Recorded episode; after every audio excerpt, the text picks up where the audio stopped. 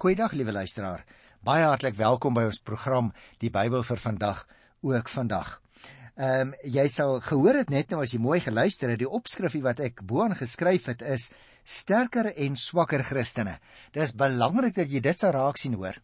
Want ek is nie besig om jou te gesels oor beter Christene en swakker of minder goeie Christene nie. Dit is nie die bedoeling nie. Maar as ons nou praat van sterker en swakker Christene, dan gaan dit oor die geestelike groei wat alreeds plaasgevind het. En ek wil net 'n snakies vir ons ouer mense sê dis my baie opvallend dat 'n mens soms jong mense sien wat geestelik baie sterker is as iemand wat al vir baie jare die Here ken en dien.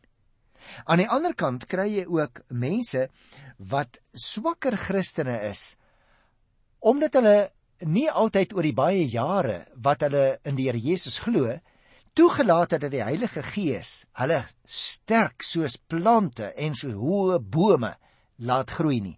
Dit gaan dus hier oor 'n baie praktiese saak as jy in die Afrikaanse teks voor jou sou kyk as jy dit voor jou het, gaan dit oor die vraag oor vleis wat aan 'n afgod geoffer is of 'n mens dit nou mag eet en of jy dit nie mag eet nie. Want jy sien dit was 'n ander vraagstuk waarom tren die gemeente daar in Korinte voorligting moes ontvang. Die eet van vleis wat aan afgode geoffer is. Nou wil ek dadelik sê liewe luisteraar, in die heidense stad Korinte met sy baie afgode het dit natuurlik daagliks gebeur dat vleis wat aan afgode geoffer is en te veel was vir die gebruik in die tempels later op die mark verkoop moes word. Nou iemand wat dit koop en eet, soos dit daar staan, vereer sodoende eintlik op 'n indirekte manier die afgod of so die mense gedink. Nou is die vraag: Is dit nou geoorloof dat die Christus gelowiges wat tog weet dat afgode eintlik nie bestaan nie, ook hierdie vleis mag eet of nie? Nou in sy beantwoording van die vraag bestee die apostel 'n groot deel van sy brief eintlik daaraan. Die saak is dus baie belangrik, ook vir jou en vir my wat elke dag met dinge te maak kry waarvan ons nie altyd seker is of dit die toets van die Here se woord gaan deurstaan nie.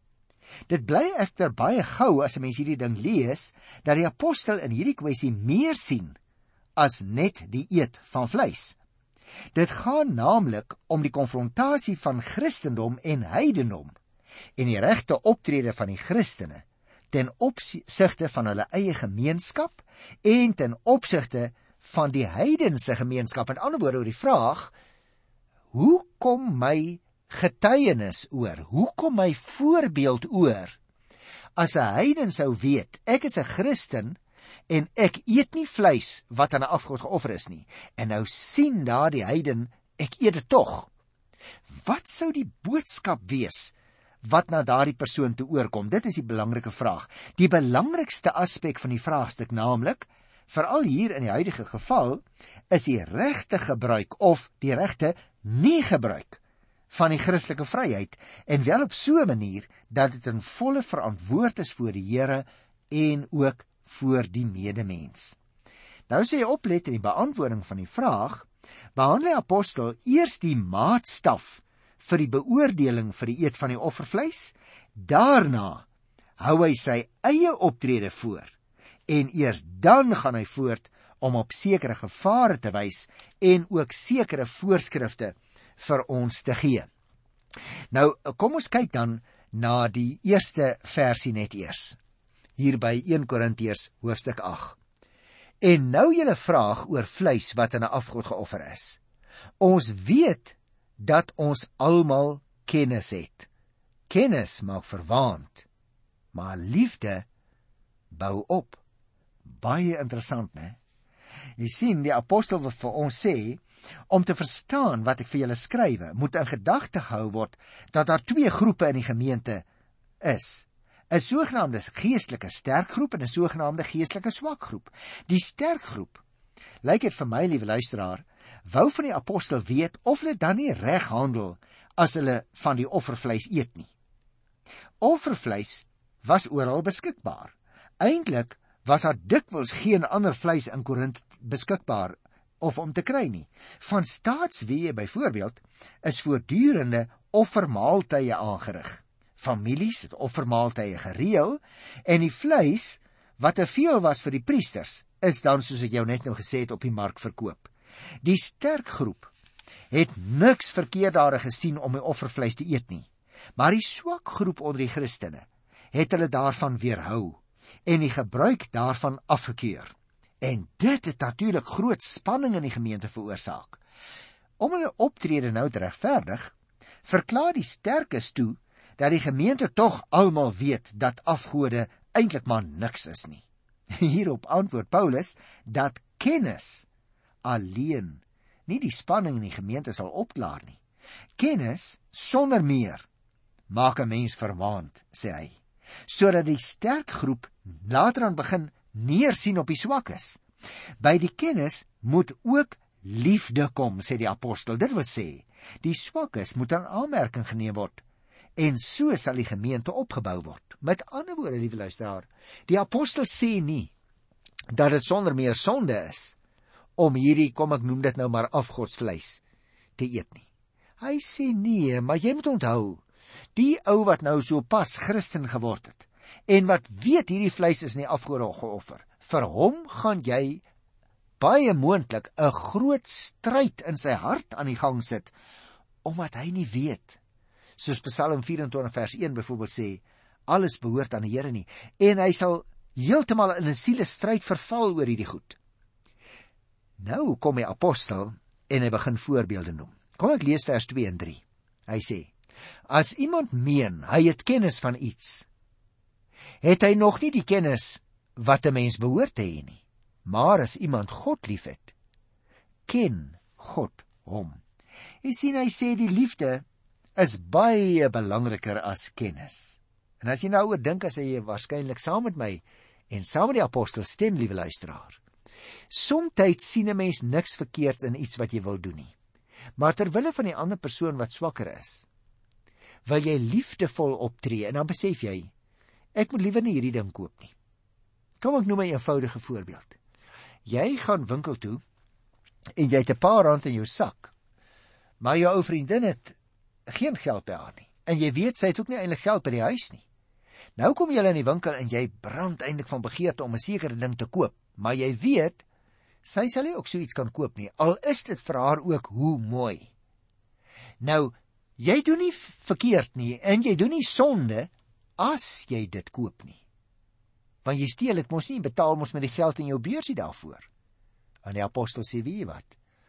As ek in so 'n situasie kom, dan sou ek vra, wat gaan die mees liefdevolle ding wees om te doen? En die mees liefdevolle ding gaan wees, hoewel ek dit kan koop, want ek het die geld in my beursie, gaan ek dit liewer nie doen nie, want miskien maak dit my ou vriendin hartseer, want sy het nie nou geld by haar nie en sy kan ook nie huis toe gaan en geld gaan haal nie, want sy het nie geld nie. So jy sien liewe luisteraar, ons maak soms in ons gesprekke hierdie 'n verskriklike ingewikkelde ding, maar dit gaan oor die vraag, hoe tree ek liefdevol op? Gaan ek iets doen net omdat ek so voel, omdat ek kan, omdat ek wil? Of gaan ek volgens die reël van die liefde optree? Want jy en ek weet tog as ons Christelik en geestelik baie gegroei het, dan weet ons mos. Man, al het iemand ook wat met daai vleis gedoen, al is dit selfs aan die afgode geoffer, dan maak dit nog nie die vleis onrein nie, want alles behoort aan die Here. Liefde is dus baie baie belangriker as die kennis. Kennis, liewe luisteraar, laat vir jou vir my soms goed lyk en baie belangrik, né, en baie slim ook nog. Maar dit is baie maklik om hooghartig en beter weterig te raak in jou besit van baie kennis. In die stad Korinte het die sterkeres op grond van kennis neergesien op die swakkeres. Mense wat sterk standpunte huldig is, dikwels onwillig om na ander mense of selfs na die Here te luister en by daai mense te leer. Paulus sê nou dat ons net op een manier toegang het tot God se kennis. Die kennis waardeur die kerk gebou word en dit is deur die Here liefde hê.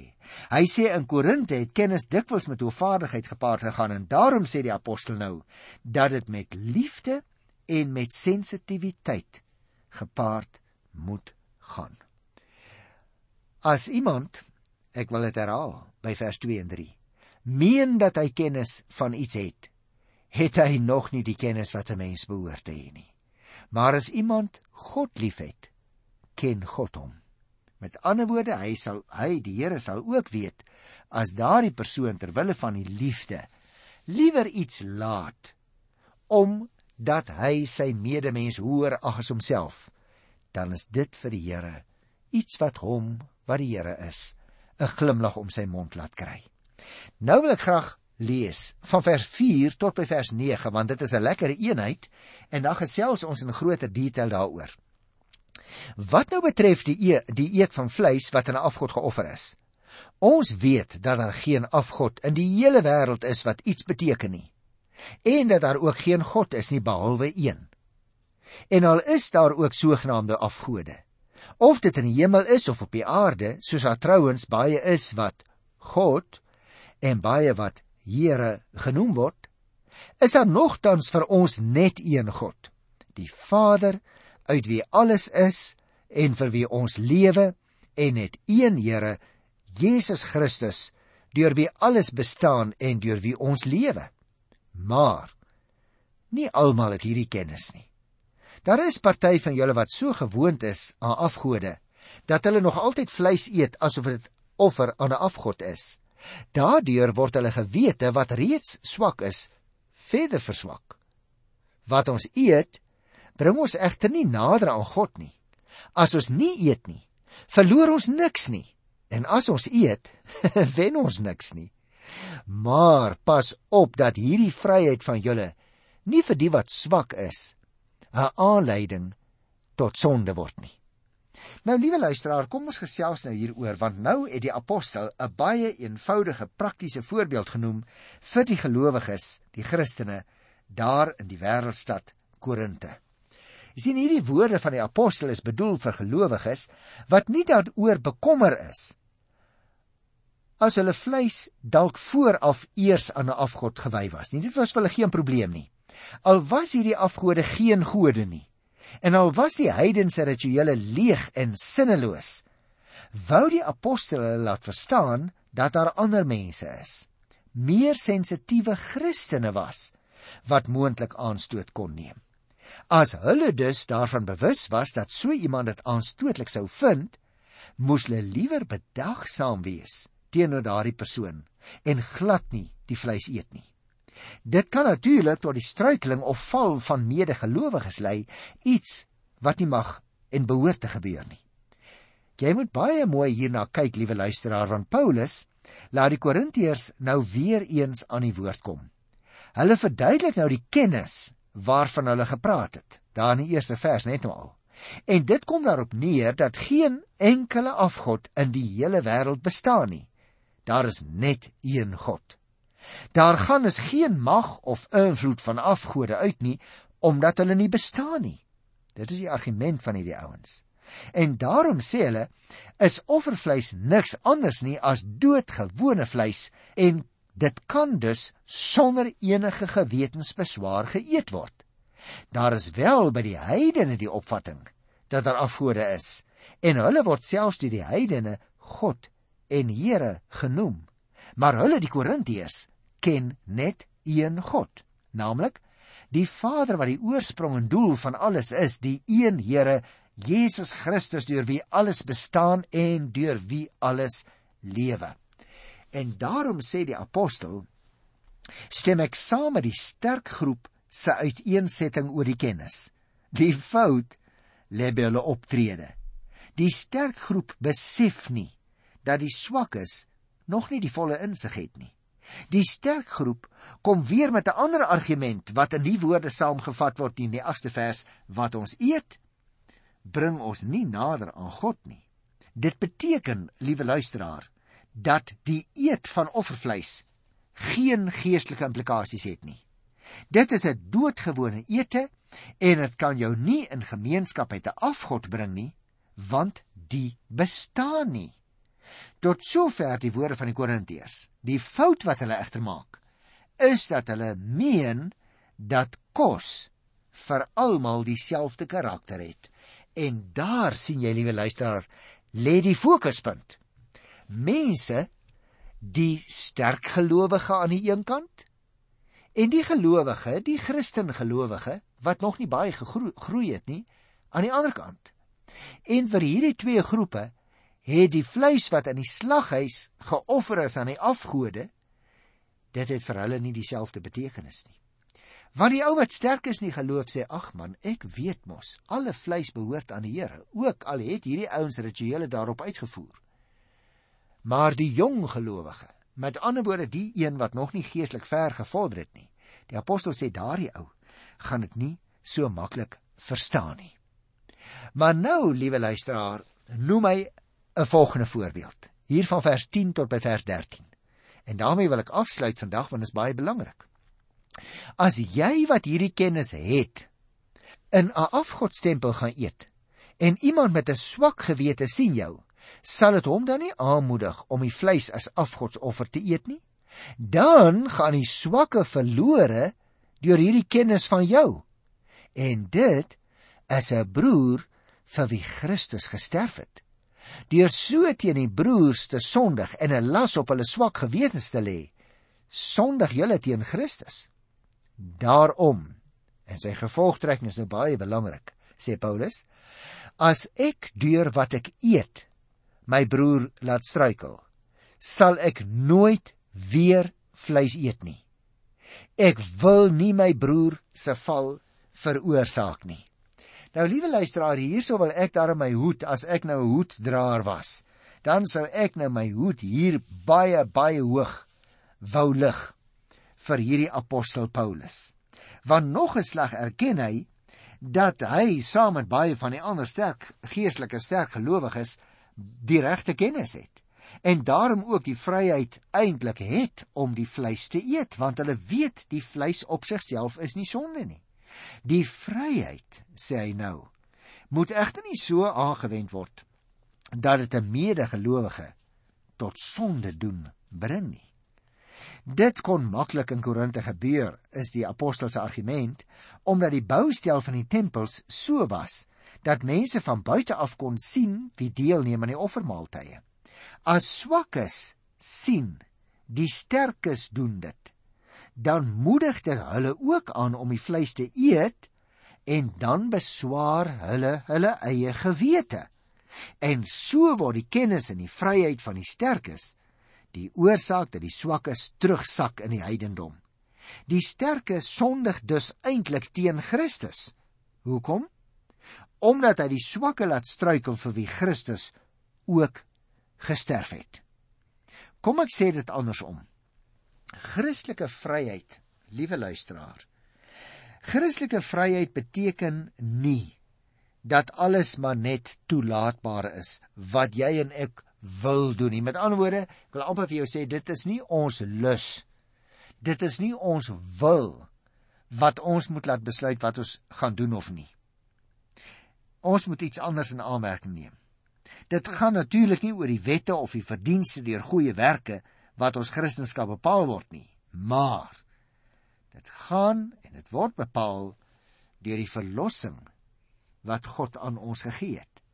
Jy sien Christelike vryheid en Christelike verantwoordelikheid gaan hand aan hand. Ek wil altyd die ander persoon in gedagte hou. Die voorbeeld wat ek as Christen stel is baie belangrik, liewe luisteraar. Ons liefde moet dan ook ons verantwoordelikheid baie betekenisvol maak. As ek uh, hierdie laaste paar versies in 2-3 sinne mag opsom dan sou ek sê Paulus vat eintlik sy antwoord aan die gemeente saam deur te sê wat hy self in dergelike omstandighede sal doen. Hy sê: Ek sal nooit my vryheid so misbruik dat 'n geestelik swakker mens as ek daardeur tot struikel gebring sal word nie. Dit is nie die moeite werd luisteraar dat jou en my broer deur iets soos kos tot struikel gebring behoort te word nie. Ons moenie 'n ander een in 'n siele stryd laat beland deur eenvoudige goed soos kos of klere nie. En daarom wil ek graag 'n paar algemene opmerkings maak voordat ons tyd vir vandag uitgeloop het. Ons het gesien hier in Korintiërs 8, 1 Korintiërs 8, wat maar net 13 versies is.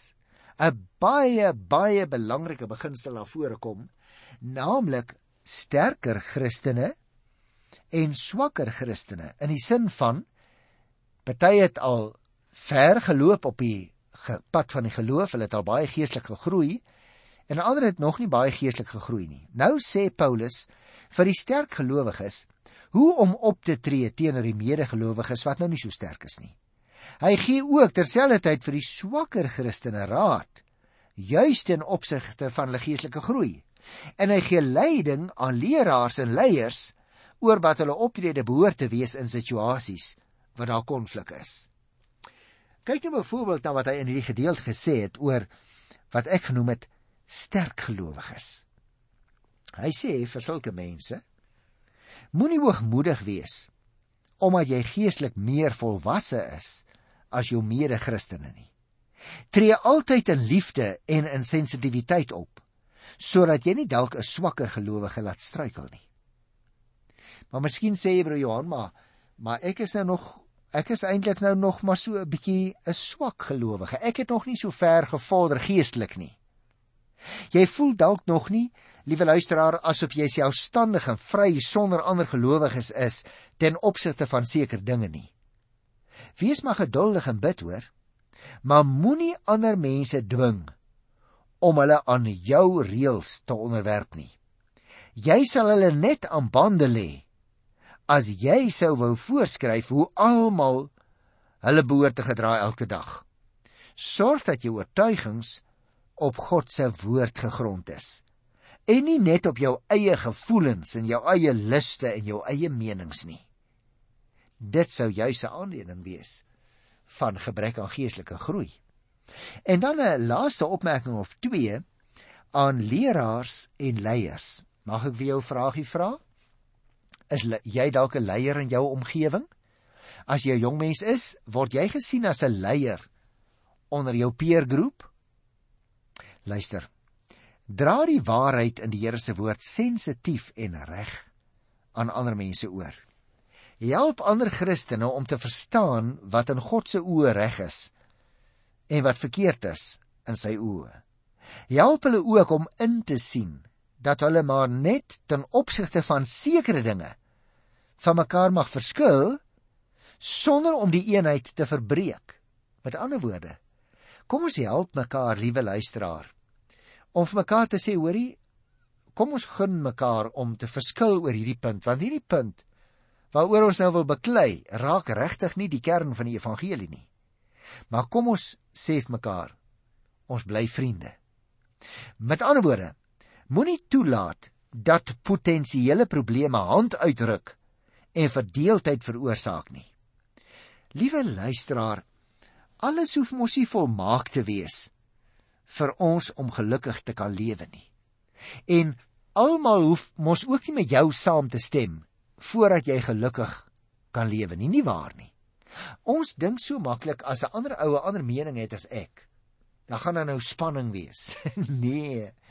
Nee, liewe luisteraar, as 'n mens jou eie woorde toedraai in liefde, as 'n mens se hele optrede toegedraai is in liefde ook, dan is jy mos nie bang vir iemand anders se standpunt nie.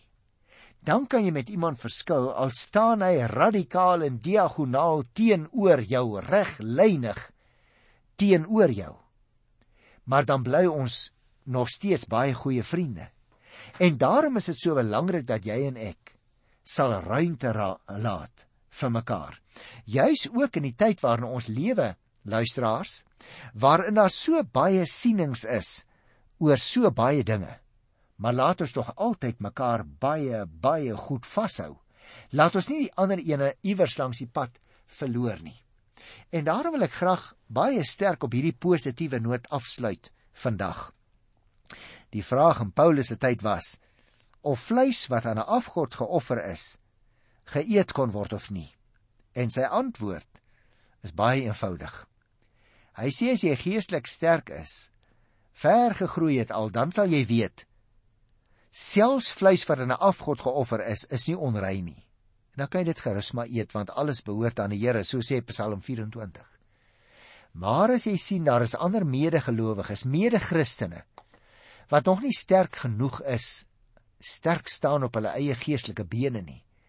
Maar wat jy sal verstaan wat gaan nou aan as jy jou dan nou hier besig hou om 'n stuk vleis te eet wat geoffer is nie afgode nie. Hy sê dan moet jy dit liewer nie eet nie omdat jy nie graag iemand anders in 'n geloofskrisis wil laat beland nie.